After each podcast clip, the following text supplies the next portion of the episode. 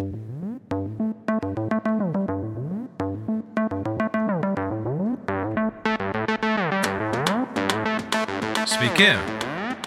čia yra Julius ir jūs pataikėt į Tilviko lizdą. Podcastą apie psichologiją, pasaulį ir dalykus. Ir aš labai labai tikiuosi, kad šiandien jūs turite gerą laiką ir atostogaujate savo smagiai, o jeigu dar neatostogaujate, tai planuojate savo atostogas ir, na, jūsų gyvenime yra daug pozityvių, tokių malonių dalykų. Ir jūs nejaučiat nei pykčio, nei apmaudo, nei liūdėsio, nei gėdos ar kalties. Bet kas, kas, kas būtų, jeigu jaučiat? Tai jeigu jaučiat, tai greičiausiai yra kažkas susijęs su tuo, kad arba jūs kažką nuskriaudėt, arba kažkas jūs nuskriaudė, arba pasielgė neteisingai su jumis, jūs taip bent jau manote, arba taip iš tikrųjų yra. Ir, na, tada kaip ir pataikėt į aktualią temą nes šiandien mes kalbam apie atleidimą. Ir tema iš tikrųjų nėra lengva, aš jai ruošiausi pakankamai ilgai ir nesu tikras, ar iki galo esu pasiruošęs, bet prisiminkim. Pačiam pačiam pirmam podcast'e intro, intro vadinamam, aš sakiau, kad tai yra kelionė ir mes keliaujam ir bandysim čia kažkaip tai suprasti, kas tas yra atleidimas ir jeigu um, tai nebus iki galo labai aišku, tai kažkaip mes gal ateities epizoduose irgi išsiaiškinsim. Ir aš savo čia susirašiau tokius kaip klausimus ir um, aš taip pagalvojau, na, galbūt aš padarysiu taip, kaip koks um, radio laidų vedėjas, kuris interviu duoda ir žurnalistas, na, tarkime, klausia atėjusio į svečius psichologo, Um, nu tai papasakokit mums apie atleidimą, kas yra ta ta ta ir ta ta ta. Ir tada kalba ten, vad, reiškia, atsisėdęs studijoje o pasakotojas, tai yra aš, kasgi čia tas atleidimas yra. Atleidimas ir kasgi tai yra. Galbūt pradėkim nuo pačios savokos. Kas tas yra atleidimas? Tai šiaip, na, atleisti mes galime tada, kada mes patiriame kažkokią tai žalą. Arba tikrą, arba menamą žalą, bet, na, iš tikrųjų mūsų galvoje atsiranda um, pykčio jausmas, o pyktis yra reakcija mūsų į neteisybę, tai reiškia, kad su mumis ar su mums artimai žmonėm, ar su pasauliu vyksta kažkas neteisingai ir kažkas tai, kas yra neteisinga, tai daro. Ir mes aišku kalbame apie žmonės, kad, na, tie žmonės kažkokiu tai būdu daro tą žalą. Ir kada įvyksta jau žala, na tai nusėda mūsų, mūsų galvoje, mes suvokiam ją kaip kažkokį įvykį, kuris mums kelia iš tikrųjų tuos nemalonius jausmus. Pykti, apmaudą, liūdėsi.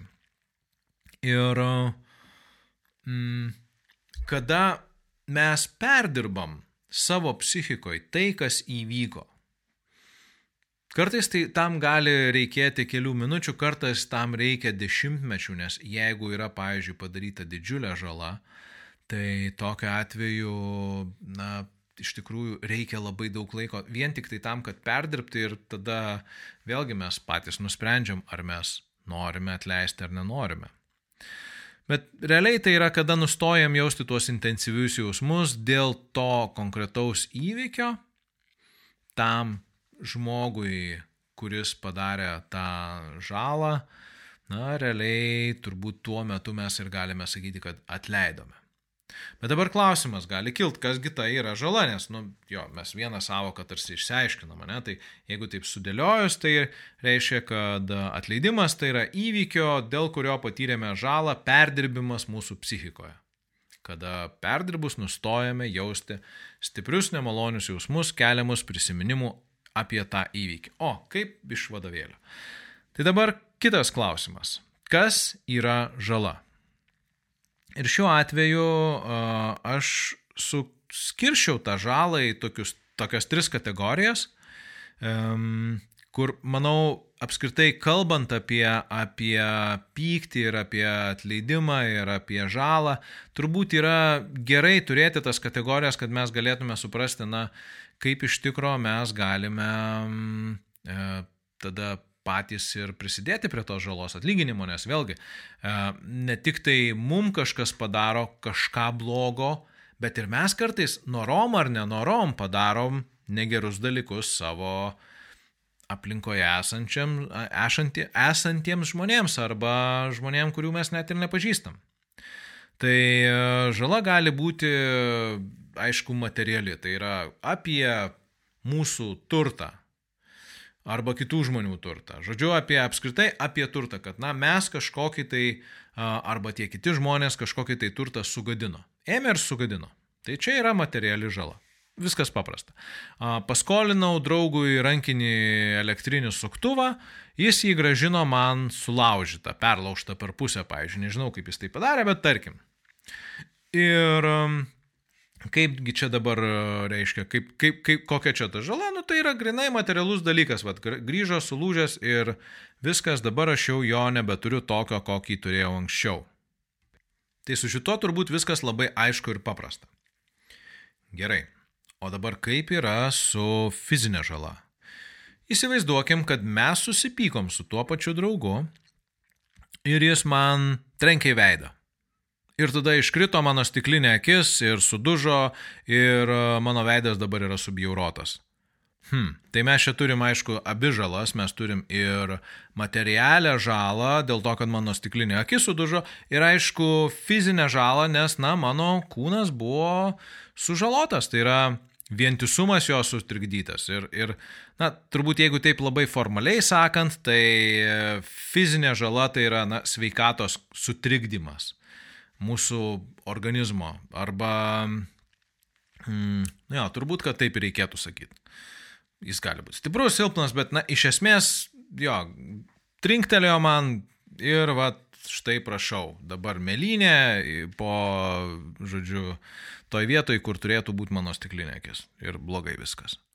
Tai čia yra jau grinai fizinė žala, kurią mano organizmas patyrė. Ir galiausiai yra moralinė žala. Tai moralinę žalą yra sunkiausiai apskaičiuoti ir dažniausiai mūsų psichikoje jinai užima didžiausią vietą ir daugiausia svorio turi. Jeigu fizinę žalą mes galime dar kažkaip tai įvertinti, ten tarkim prarastas darbingumas, ten įsivertinti, kiek mes, kiek mes, jo, kaip, kiek mums atsiliepia mūsų sveikatos būvis ateityje, mūsų gyvenimo geroviai, tai moralinę žalą yra labai labai sunku, pad, sunku įvertinti. Toks turbūt uh, stipriausias pavyzdys būtų moralinės žalos, tai uh, artimo žmogaus praradimas. O tarkim, mes turime artimą žmogų ir uh, jį kažkas nužudo. Tyčia, netyčia čia jau yra kitas klausimas, bet tiesiog, na, taip įvyko. Tai yra moralinė žala, kurią mes patiriame. Įsivaizduokime dar stipresnį variantą, tai yra tėvus, kurie praranda vaiką dėl to, kad, tarkim, vairuotojas įvažiavo į automobilį jų ir jų vaikas žuvo. Ir tada bet, kokio, bet kokių tėvų jūs galite paklausti, tai gerai, tai kiek tau pinigų reiktų tam, kad uh, tu jaustumės, kad, na, tavo vaikas, va, nu, čia jau tikrai būtų kompensuota už tai normaliai.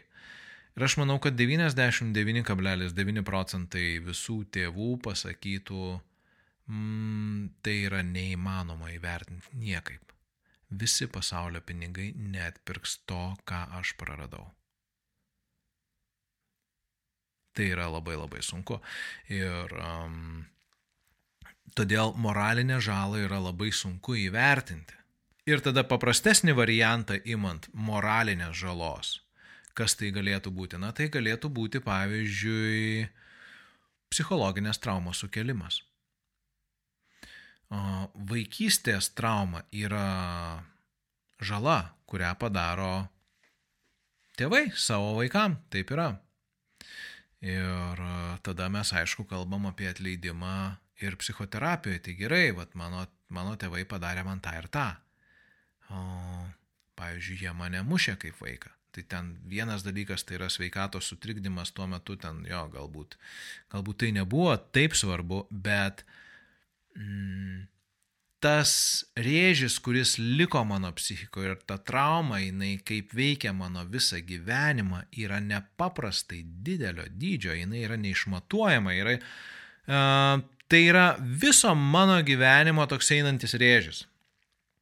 Ir va tada yra tikrai labai labai sudėtinga kalbėti apie atleidimą ir apie žalos kompensavimą, aišku, pirmiausia. Kitas klausimas. Kada mes galime atleisti arba kada mes turime atleisti? Klausimas, aišku, geras. Nes e, labai dažnai na, atleidimas yra labai keistai taip suvokiamas. Na, užtenka pasakyti atsiprašau ir viskas. Ir, ir jau čia yra viskas tvarkoja ir aš galiu toliau eiti, bet, nu, ne. Um, aš tai nemanau, kad atleidimas yra kažkas tai, kas um, atleidimo mes nusipelnome tada, kada mes pasakome atsiprašau. Bet manau, kad sąlyga atleidimui tai yra būtent pirmiausia, tai aišku, mūsų viduje įvykstantis procesas, kada mes perdirbam tai, kas su mumis įvyko, ar su mūsų artimaisiais įvyko, ar įvyko su mum brangiais dalykais, ar su mūsų ar kitų žmonių a, turtu, Tiesiog mes turime visą tai perdirbti ir tada mes galime galbūt nuspręsti, mes norime atleisti ar ne. Ir su materialia žala yra paprasčiau. Mm, yra nuostolis, jis yra padarytas ir mes tada jį paimam ir atlyginam.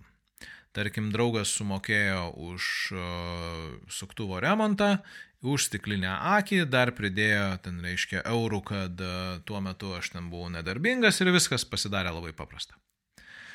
Bet pavyzdžiui, jeigu materialinė žala yra labai labai didelė, kaip tada?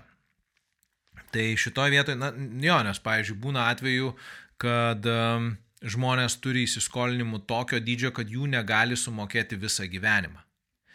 Na tai šitoje vietoje įsikiša visuomenė ir jie visuomenė tarsi sako, gerai, Reiškia, na, žmogus turi teisę klysti ir dėl to yra tam tikri procesai, pavyzdžiui, na, tarkim, fizinių asmenų bankroto procesas. Reiškia, žmogus sako, okei, okay, gerai, aš ten kažkiek tai laiko bandysiu kiek įmanoma atlyginti tą žalą, kurią aš padariau ir tada visuomenė nutarė, yra nutarusi, kad na visuotinai mes priimam, kad taip ta žala yra atlyginta ir tas žmogus yra laisvas nuo savo įsipareigojimų. Tai čia yra apie žalos atlyginimą. Bet dabar kita dalis tai yra atleidimas.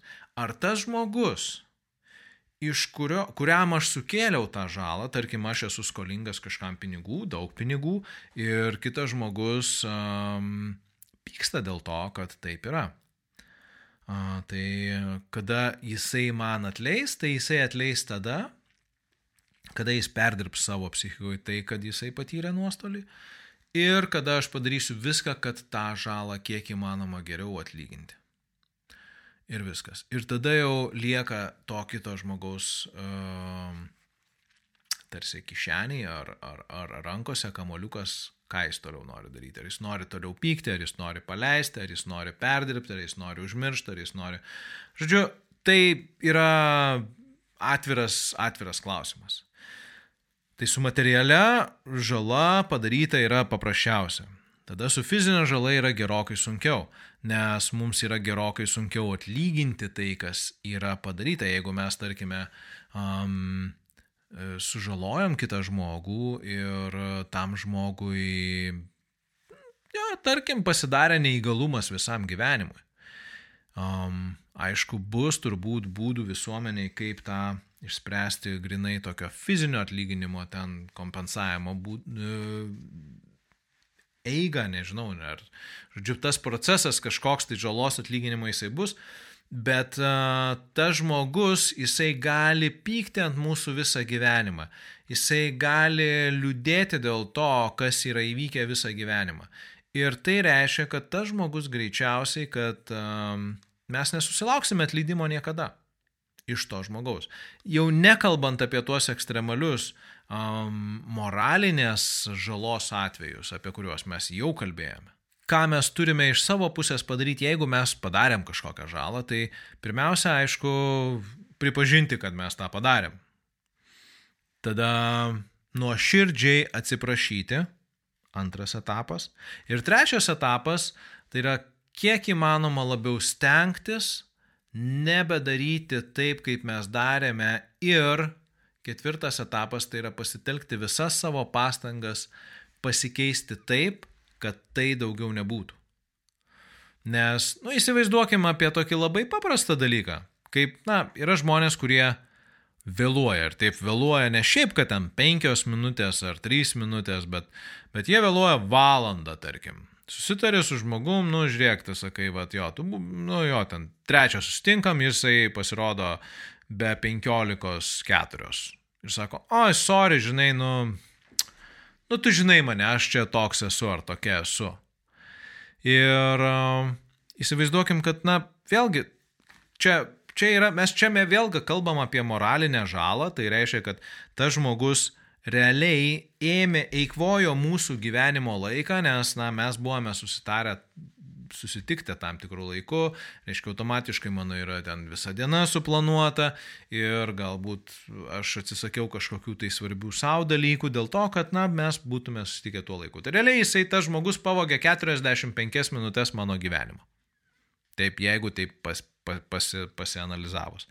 Ir dabar jeigu, jeigu mes nuolat susitinkam ir dažnai ir jis vagia ir vagia ir vagia vėl tą laiką, galime savęs paklausti, palauk, tai gerai, tai kiek mes dar čia tą toleruosim ir aišku, galim pasakyti, žiūrėk, tai man nepatinka, kad čia taip yra ir, ir tada tas žmogus sako, nu žinai, atsiprašau, nu aš toks esu. Tai greičiausiai, kad apskritai atsiprašymas šitas yra niekinis. Jis yra vardan, atsiprašymas vardan atsiprašymo. Ir tam, kad iš tikrųjų vyktų tas kažkoks tai, kad, tas, kad mes galėtume atleisti tam žmogui už tai, kad jis nuolat vėluoja ir vėluoja ir vėluoja, vėlavo ir vėlavo ir vėlavo, nes jis jau dabar jau, jau turėtų nebevėluoti, tai jis turi dėti visas pastangas, kad jisai nustotų vėluoti tiek į mūsų susitikimus, tiek į kitus. Ir tada tai bus visa tai tarsi, na, kompensuotų kažkaip tai va, tą žalą, kurią tas žmogus daro. Ir tada jis tikrai nusipelno atleidimo mūsų atleidimo ir kitų žmonių atleidimo ir tada viskas su tuo tarsi yra ir ok. Ir tokiu atveju mes, mes nusprendžiam, kad mes arba, arba jam atleidžiam ar ne. Ir tada gali kilti klausimas, ir čia tas Julius žurnalistas yra užsirašęs klausimą, o kada mes privalome atleisti, kada mes turime atleisti. Tai mes turime, kada mes turime atleisti, apskritai tokio kaip turime nėra, mes neprivalome atleisti. Mes galime pykti ant žmogaus visada. Mes galime jam net leisti visą gyvenimą. Bet čia yra mūsų pačių sprendimas ir mūsų pačių reikalas. Tai kaip mes priimam tai, ką tas žmogus mums padarė ir jis, kaip jis elgesi po to ir ką mes patys su tuo darom. Apie tai truputėlį gal dar vėliau pakalbėsim, bet iš esmės mes neprivalome atleisti žmogui, jeigu mes nenorime. Tai, tai nėra niekur parašyta, kad mes tą turime daryti. Vėlgi klausimas, kiek mums brangus yra tas santykis ir e, ką mes padarysime, kad e, tas pyktis dėl to, kas yra įvykę, dėl to, kokia žala yra padaryta, kad jisai nebetemdytų to mūsų santykio ir mes galėtume būti kartu. Gerbiamas Juliau psichologė, tai aš norėčiau dar irgi paklausti, atleidimas savo arba kitiem savo ir kitam žmogui. Ar tai yra skirtingi dalykai, ar tai yra vis dėlto tas pats? Kuo jisai skiriasi, kuo jis yra ypatingas, kada mes atleidžiam savo, nes neretai ir patys savo negalime atleisti, bet negalime atleisti ir kitiems. Tai žinoma, kad e, savo ar kitiem atleisti yra skirtingi dalykai. Jeigu mes kalbam apie kaltę, kurią jaučiame savo, tai yra manom, kad esame kalti patys dėl kažko, ką patys padarėme. Um, tai yra na, toks vidinis procesas, kur mes esam tokiam rate užsisukę. Nes um, mes, aišku, galėjom padaryti kažkokią žalą, kuri yra padaryta kitiem. Ir tada negalime atleisti savo dėl to žalos, bet labai neretai mes uh, kaltiname save už tai, ką mes padarėme patys savo. Ir čia yra gerokai sudėtingesnis dalykas. Tai todėl galbūt pradėkim nuo to, kad um, tikrai atleisti kitiem dažniausiai mums yra paprasčiau negu savo. Ir kodėl paprasčiau? Todėl, kad, na, vis tiek kiti negyvena mūsų viduje, su kitais mes neturim nuolatinio dialogo. Nes su savimi mes galim kalbėtis valandų valandas ir kaltinti save, ir priekaištauti savo, ir tada tos mūsų dalys jos įsitraukia į tokį nuolatinį um, dialogą ar teatrą, tokį, kur ten vienas kaltina, o kitas ginasi ir jaučia gėdą, ir tada jos ten tarpusavėje gali muštis iki gyvenimo galo. Tuo tarpu su kitais žmonėms, su kuriais, kuriem mes kažką padarėme arba kurie padarė kažką mum, na mes nesėdime dialogę 24 valandas per parą ir todėl taip iš esmės tai yra du skirtingi dalykai. Ir savo atleisti yra gerokai, gerokai sunkiau negu kitiem žmonėm. Kitas klausimas. Kaip suprasti, kad man atleido žmogus, kuris na, vat, kuris pyko ant manęs, kuri, kuriam aš padariau kažkokį blogį ir dabar jis, kada suprantu aš, kad jis man atleido. Hm. Atsakymas būtų, nežinau. Nes labai viskas priklauso nuo situacijos. Pažiūrėkim, jeigu mes padarėm kažkokį blogį žmogui, nu, tai o tą patį paimkim, kad uh, sulaužėm jo rankinį suktuvą apsikeiskim vietomis su draugu. Dabar aš esu tas, kuris sulaužė jo rankinį suktuvą ir um, aš atlyginau, aš sutaisiau jį, aš dar daviau ten papildomai kažkokį tai nupirkau tam žmogui, nežinau, sukimo galvučių dar papildomai, kaip, kaip čia tokia kompensacija, dar pridėjau keletą keletą galbūt alaus, nu, taip vad, kad būtų draugiškai viskas, nu, kad kitą kartą jis man vėl jį paskolintų. Ir um, Nu, mes kai susitinkam, jis turi tokį tarsi zlastį ant manęs laiko, tokį pyktį, vis, vis taip jis kažkaip nepasitenkinęs manim. Kaip čia dabar aš suprasiu, gal jis dar tada pyksta ant manęs už tą suktuvą ar ne? Tai manau, kad paprasčiausias būdas tada yra tiesiog imti ir paklausti. Tai žiūrėk, Juliau, ar tu atleidai man už tai, kad aš sulaužiau tavo rankinį suktuvą? Ar tu dar tebe pyksti dėl to ant manęs? Ar tau vis dar liūdna dėl to, kad, kad na, jisai nebe toks geras, koks buvo, nors aš pabandžiau kažkaip tai atlyginti. Ir jeigu mes turėsim tą atvirą pokalbį, tai mes galime, aišku, ir išsispręsti. Jūs pasakys, uh, tas kitas Julius pasakys, nu, žinai, um, taip, man kaip ir viskas tvarkoj, bet aš tokia jaučiu, na, truputį tokį nepasitenkinimą, kada vėl mes kalbam ir tu vėl prašai manęs kažkokiu įrankiu paskolinti ir aš tai jau su tokia atsarga jau dabar tai darau. Ir e, tokiu būdu mes galim išsiaiškinti, tai ar tas žmogus man atleido ar ne.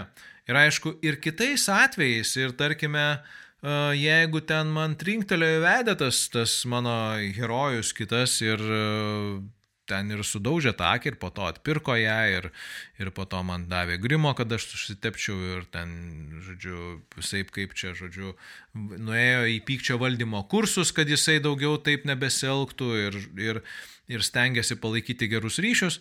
Aš irgi turbūt, kad po kurio laiko atleisiu ir apgrėžus tą situaciją, aš pamatysiu, kad, na, tas žmogus, tas žmogus santykis į mane sušvelnėjo, bet realiai mes tik tai pasikalbėję, taip susėdė ir pasakė, žiūrėk, Juliau, tai aš tau išmušiau tą akį ir aš visai kaip stengiausi, kad, na, tau dabar nebebūtų taip blogai ir ar tu vis dar tebe pyksti ant manęs? Ką tu galvoji apie tai, kas įvyko? Mm, aš tiesiog noriu labai labai atviro atsakymo tavo. Ir tas žmogus pasakys, tas kitas, nu žinai, viskas yra gerai, viskas tvarkoja. Ir nu, mes suprantam, kad, kad jo, aš tau atleidau, jisai gali netgi ir pasakyti, aš tau atleidau. Gali ir nesakyti, bet tokiu būdu mes suprantam. Tai vad, kaip suprasti, kad mum atleido, geriausias būdas tai yra klausti. Nes um, supraskim, kad, na, iš esmės kalbėti apie tuos va tokius nemalonius dalykus, nu, mes nenorim, mes norim kalbėti apie fainus dalykus, apie smagius, apie tai, kaip mes ten eisim pasivaikščioti po Rygos senamestį, ar ten eisim, varysim ten žvėjoti, ten, žodžiu, mes visą tai galime aptarti ir apkalbėti ir faina viskas, bet ta tema apie tai, kas įvyko, apie tą konfliktą, jinai vis tarsi ungurys, koks praslysta ir praslysta ir praslysta. Ir tada mes vieną dieną sakom, žiūrėk, aš noriu pakalbėti vis dėlto apie tą incidentą su ta akim. Davai pakalbam, nes man tai yra svarbu. Ir pasikalbėję mes iš tikrųjų suprasim, kada mum atleido ir kada mum vis dar žmogus tebe pyksta ir tebe laiko kažkokius tai jausmus apie tai ir, ir mes tada galim tartis ir galvoti, kągi su tuo daryti. Kitas klausimas. Gerbiamas Juliau, ar teisingas yra pasakymas pamiršk ir atleisk? Ar pamiršk ir paleisk? Nu, žmonės taip sako. Mhm. Pagalvokim. O, kažkas man trenkė į akį ir tada aš turiu tiesiog pamiršti tą, palikti praeitie, atleisti ir gyventi toliau, tarsi nieko nebuvę. Ir tas žmogus toliau gyvena savo gyvenimą ir kitam žmogui trenkė į akį. Ir dar trečiam ir jis tiesiog pasako, na, nu, žinai, sorry, tu pamiršk, kad leis čia, aš taip daugiau nebedarysiu. Atsakymas yra ne. Ne, nereikia, neteisingas jis yra, neteisingas yra pasakymas pamiršk ir atleisk. Nes tokiu būdu mes iš tikrųjų skatinam, kad jeigu žmogus padaro kažkokią žalą, kad jis jos tiesiog neatlygintų. Ir šiaip tai yra labai labai patogu. Ir dažniausiai pamiršk ir atleisk yra kalbama apie ne apie materialią žalą, rečiau yra apie fizinę, bet apie moralinę žalą tai yra iš viso, nu, dažniausiai tai yra iš viso tai net netaikoma. Mm, ir čia yra tas lidi tema, tai yra santykio, tarkime, vaikų su tėvais. Ir neretai būna, kad terapijoje vaikai, kurie yra patyrę vaikystės traumą, jau suaugę žmonės, jie sako, ai, nu tai, bet aš šiaip tai norėčiau va, taip tiesiog pamiršti ir viską ten paleisti ir kad viskas ten būtų gerai. O, kodėl tai yra prasta strategija mano akimis žiūrint? Tai vienas dalykas, kad um, ta žala, kuri mum yra padaryta, tie jausmai, jie niekur nedingo, jeigu jų mes neišsprendėm. Jeigu mane vaikystėje mušė tėvas su diržu ir man skaudėjo ir aš bijojau ir tai paliko man traumą visam gyvenimui, tai nereiškia, kad aš galiu tiesiog pamiršti ir atleisti. Tai reiškia, kad kiekvieną kartą, kada bus kažkokia agresija, kada aš matysiu suaugęs žmogus, mokantis apsiginti, mokantis pastovėti už save, turintis galbūt ten, reiškia, mm, kažkokį statusą net, kiekvieną kartą, kada aš pamatysiu tokią fizinę agresiją, man kils viskas iš, iš, iš praeities ir aš tada visiškai nedekvačiai reaguosiu. Ir automatiškai ką tai padaro, tai sukuria ir tolimesnius veiksnius, nes tada, jo, toks žmogus jisai bailus pasidaro arba perdėm dominuojantis. Ir visa tai sukuria tokį uždarą, besisukantį traumos ratą. Mm, vyksta, tai vyksta ir vyksta ir vyksta kiekvieną kartą, kada įvyksta situacija, nors kažkiek panašiai į tai, ką mes patyrėm savo vaikystėje, kai buvo trauma, tai mums išsipraukoja. Tai kaip mes tada, tai veikia labai stipriai mūsų gyvenimą ir kaip mes tada galime tiesiog pamiršti ir paleisti. Nu, mes turime tai perdirbti, norim mes to ar nenorim. Ir tada mes jau sprendžiam perdirbę ar mums iš tikro tai yra tikrai taip labai labai svarbu, ar nesvarbu, ar tai mums kelia jausmus, ar ne, ar mes norime tam žmogui atleisti, ar ne, priklausomai nuo to, ką jisai padarė. Dar vienas yra paradoksas, kad šiaip kada, kada žmonės pradeda tarsi pereina į stadiją, kada jiems galima automatiškai atleisti. Tai yra tada, kai jie, pavyzdžiui, tampa seni arba lygoti. Nu jo, nu tai šiaip jisai, jisai buvo galvažudys, Bet tai dabar jis yra senukas, kuris ten kreta ir vos vaikšto, vos gyvas yra ir gal dėl to reikia atleisti. Um, aš manau, kad tai nėra teisingas prieimas prie atleidimo, nes tas žmogus vis dar, jis, jis elgėsi taip, kaip norėjo elgtis, dėl to, kad yra pamiršk ir atleisk toks populiarus, tokia populiari savoka, tai jis tiesiog galėjo tą daryti vėl ir vėl ir vėl ir vėl. Štai todėl man atrodo, kad pamiršk ir atleisk nėra, nėra gerai. Yra atvejų, kada mes iš tikrųjų galėtume tai paimti ir pasakyti, okei, okay, jo, iš tikrųjų mes galime, mes galime a, palikti tą nuoskaudą praeitį, ypač jeigu jinai nėra didelė, ir tada gyventi toliau į priekį su tuo, ką mes turime, bet na, ne visada, ne visada mums taip pavyksta. Juliau, Dar vienas klausimas, mes jau apie tai kalbėjom šiek tiek, bet aš norėčiau truputėlį patikslinti. Atsiprašymas ir žalos atlyginimas. Aš jau pasakiau, kad atsiprašau ir kaip tada toliau daryti? Ką, ką? Ar aš galiu tiesiog toliau eiti ir gyventi, ar aš turiu kažką tai padaryti su tuo? Vėlgi, atsiprašymas yra žestas. Mūsų parodimas, kad mes pripažįstam, visų pirma, atsiprašymas yra mūsų kalties, jeigu mes padarėm kažkokią žalą, reiškia, mes esame už ją atsakingi, reiškia, esame kalti.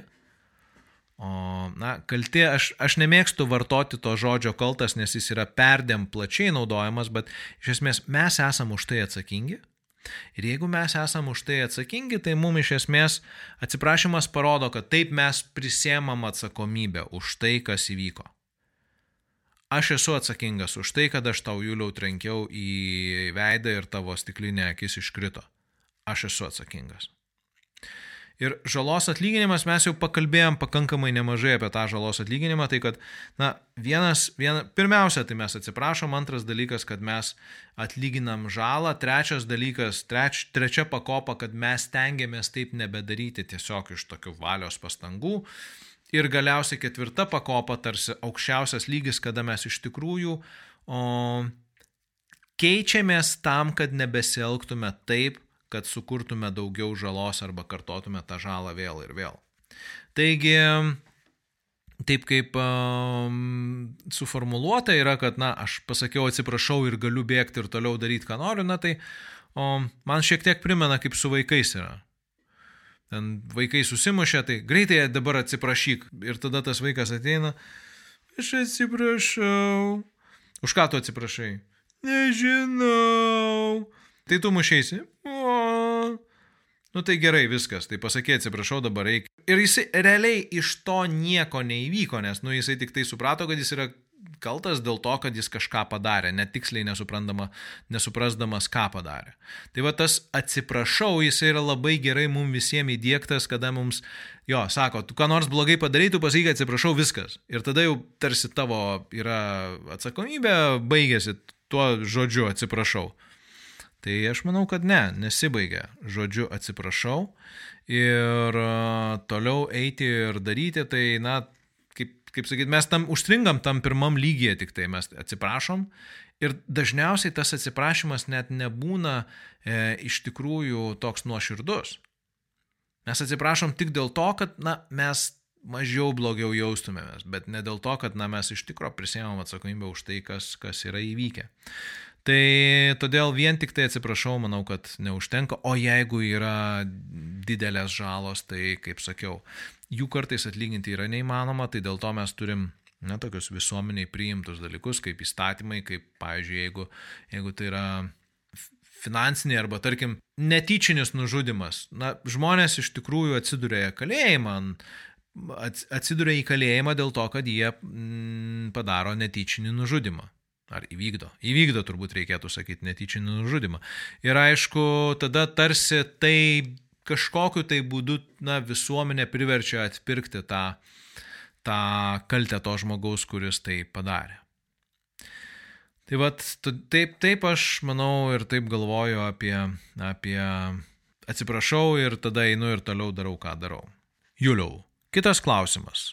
Ar privalome atleisti, jeigu mūsų atsiprašo? Nu, va, tarkime, mes, mes, kalbėjom, mes kalbėjom apie tai, kad, kad na, neužtenka tik tai atsiprašau, bet e, jeigu mūsų atsiprašo žmogus, kuris va taip elgesi, um, ar, ir, ir jisai galbūt padaro tuos žingsnius, ar, ar mes privalome jam atleisti.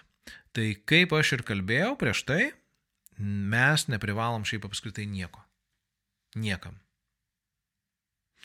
Jeigu mes, e, mūsų susitarimai galioja, žinoma, pasaulyje mes esame įsipareigoję, bet iš esmės mes pri, pri, na, toks manimas, kad mes kažkam kažką privalome, jis yra klaidingas, nes vėlgi mes galime elgtis kaip norim, tik tai už kiekvieną mūsų veiksmą yra kaina, kurią mes susimokam. Taigi jeigu aš e, galvoju, kad aš privalau eiti į darbą kiekvieną dieną, tai ne, aš neprivalau. Bet jeigu aš neteisiu dvi dienas turbūt ar tris dienas į darbą iš eilės, tai mane atleis ir tai bus kaina dėl to, kad aš nesielgiu taip, kaip aš įsivaizduoju, kad privalau. Bet e, aš čia truputį gal nukrypau nuo temos, nes apie tą privalymą jau esu kalbėjęs, man atrodo, pas aš ir psichologija vienam video apie tai, kiek aš privalau ir kiek neprivalau, bet manau, kad apie podcast'ę bus irgi galima kokiam epizodė paminėti apie tai. Bet grįžtant atgal, tai iš tikro mes galime, vėlgi, galim palyginti, ne, tarkim, tas suktuvas elektrinis. Na, mes jį sugadinom, mes jį sutaisėm, jį atidavėm draugui, atsiprašėm, stengiamės atsargiau elgtis su jo įrankiais. Ar jisai privalo dabar mum atleisti?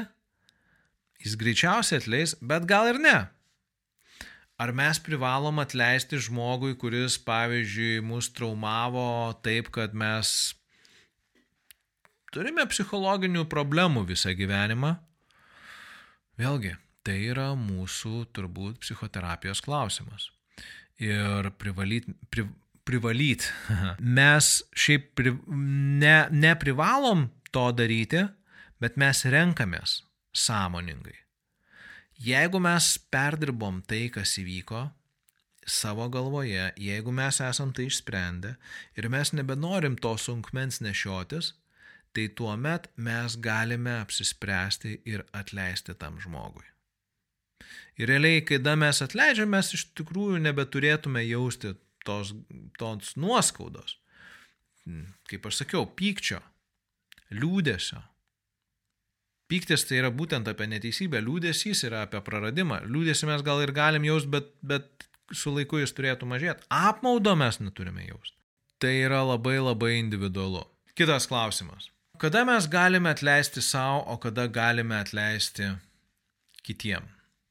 Na, apie kitus mes galbūt jau pakalbėjom, bet turbūt reiktų grįžti dabar prie savęs, kas yra su mumis, kai mes um, patys esame padarę kažką, kažką blogą ir um, mes jaučiam kaltę.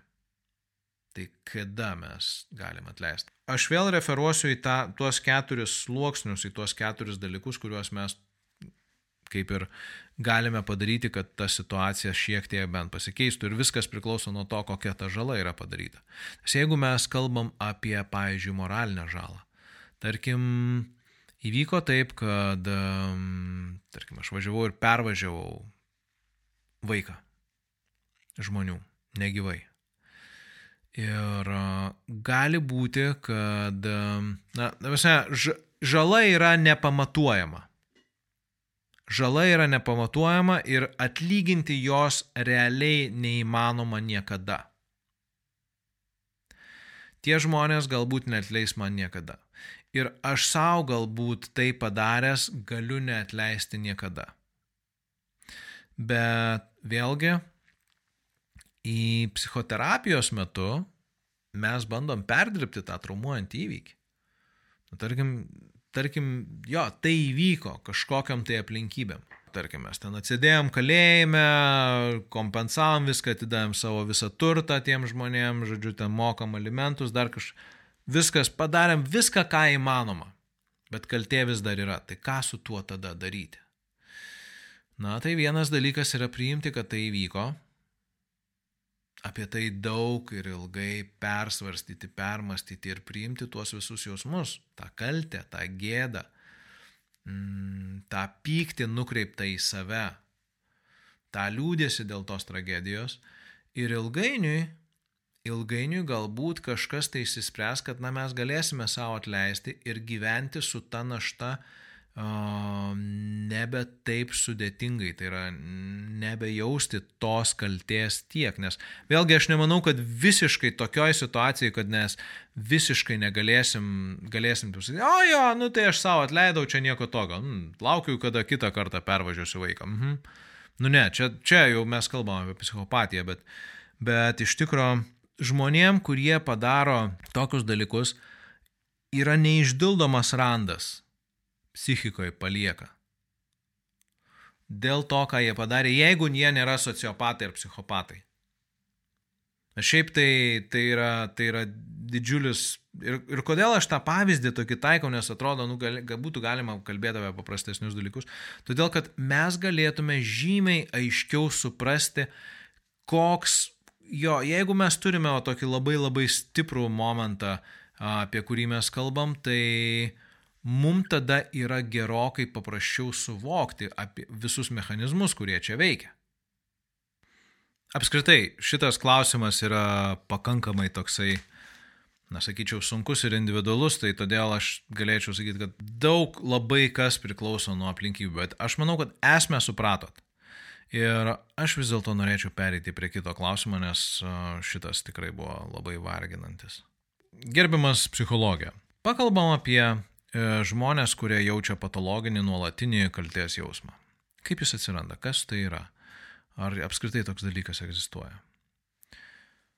Mm, taip, e, yra toks dalykas mm, psichologijai kaip patologinis kalties jausmas. Kaip jis atsiranda, tai spėkit.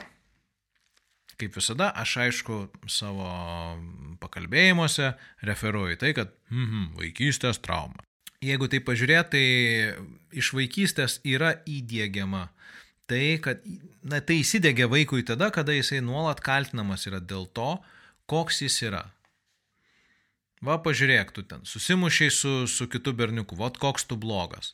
A, prisišlapinai lovą, štai koks tu negeras. Pabėgai iš pamokų, va, koks tu nevykęs ir netikęs esi, tu blogai mokaisi, nu, va, tu lodorius ten. Ir vaikas supranta, kad su juo kažkas yra negerai ir, ir jis pradeda jausti kaltę dėl to, koks jis yra. Ir tada, aišku, neretai, na, tokiem žmonėm, kai jie suauga, jiem atsiranda toks nuolatinis jausmas, kad, na, su jais kažkas yra negerai, kad jie kalti dėl visko, kas apskritai vyksta su jais, su art, jų artimaisiais, su, su kitais žmonėm ir, ir kas bebūtų. Nesvarbu, ar iš tikrųjų tai yra kažkokios objektyvios priežastys, ar tos priežastys yra subjektyvios, jie vis tiek jaučia kaltę net nesigilinant į jokias priežastis, jie ta, ta kaltė jinai yra ir yra. Ir kas yra dar blogiau, kad, na, jie įsisuka į tokį įdingą ratą, tokį cirkulus viciozus. Tie žmonės jaučia kaltę, tada jie bando tą kaltę kažkaip tai išpirkti ir, ir, ir, ir tarsi suvaldyti. Dažniausiai, kada tai vyksta, tai jie įsitraukia į dar kažkokį didesnį problemų ratą.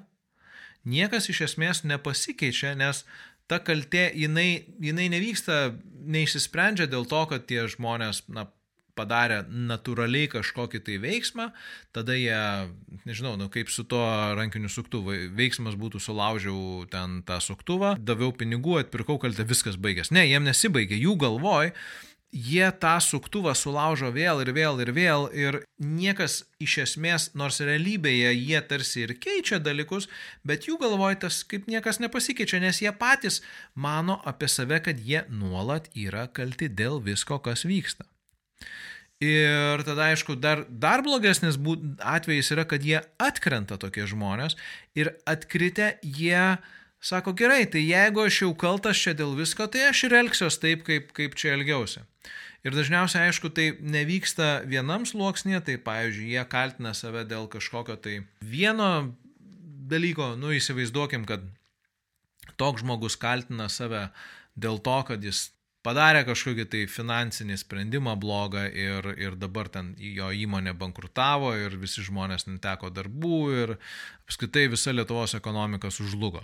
Bet jis jis kaltina save dėl šito, bet kartu jisai kažkaip tai bando tai kompensuoti, pavyzdžiui, kokiu nors alkoholiu, tada jisai pradeda gerti ir tada jisai geria ir, ir šeima nukenčia dėl to ir jis ir dėl to kaltas ir tada dar bando vėl kompensuoti ir, žodžiu, ir sukasi toks nuolatinis ratas, kuriame, na, iš esmės niekaip neina išsikapstyti, nes nėra, nes, tarkim, tas įvykis vienas Na jis įvyko, jo, jisai su juo yra kažkas tai blogai, jis turi, turėtų tą vieną įvykį perdirbti ir viskas įsispręstų, bet net jeigu jis ir perdirba tą įvykį, niekas nepasikeičia. Tai todėl gal tas pavyzdys nėra iki galo vykęs, bet um, tai yra dėl to, kad žmogus, kuris jaučia patologinę kaltę, jis iš esmės neįsprendžia pagrindinės kalties priežasties, kad, na, jį kažkada tai kaltino taip, kad jisai negali priimti savęs klystančio jis negali priimti savęs kalto. Nu, Nu, taip, mes,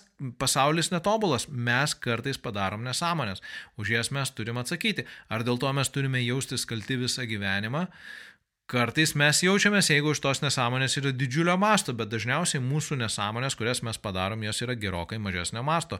Tai todėl mums žymiai paprasčiau su juom tvarkytis, kaip pavyzdžiui, ten sulaužyta kokia nors drelė, ar ten neišpildytas pažadas, ar ten trinktelta draugų į stiklinę akį. A, kitas klausimas.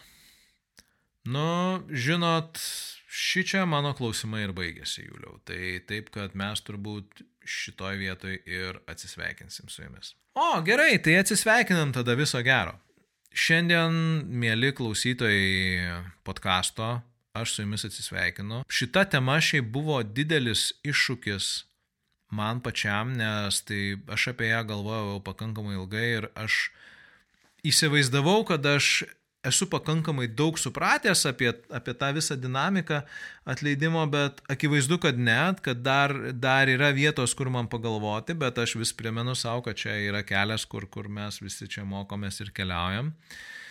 Ir um, noriu padėkoti tiems klausytojams, kurie yra su manim šitam kelyje, kurie esat čia dabar ir vis dar klausot.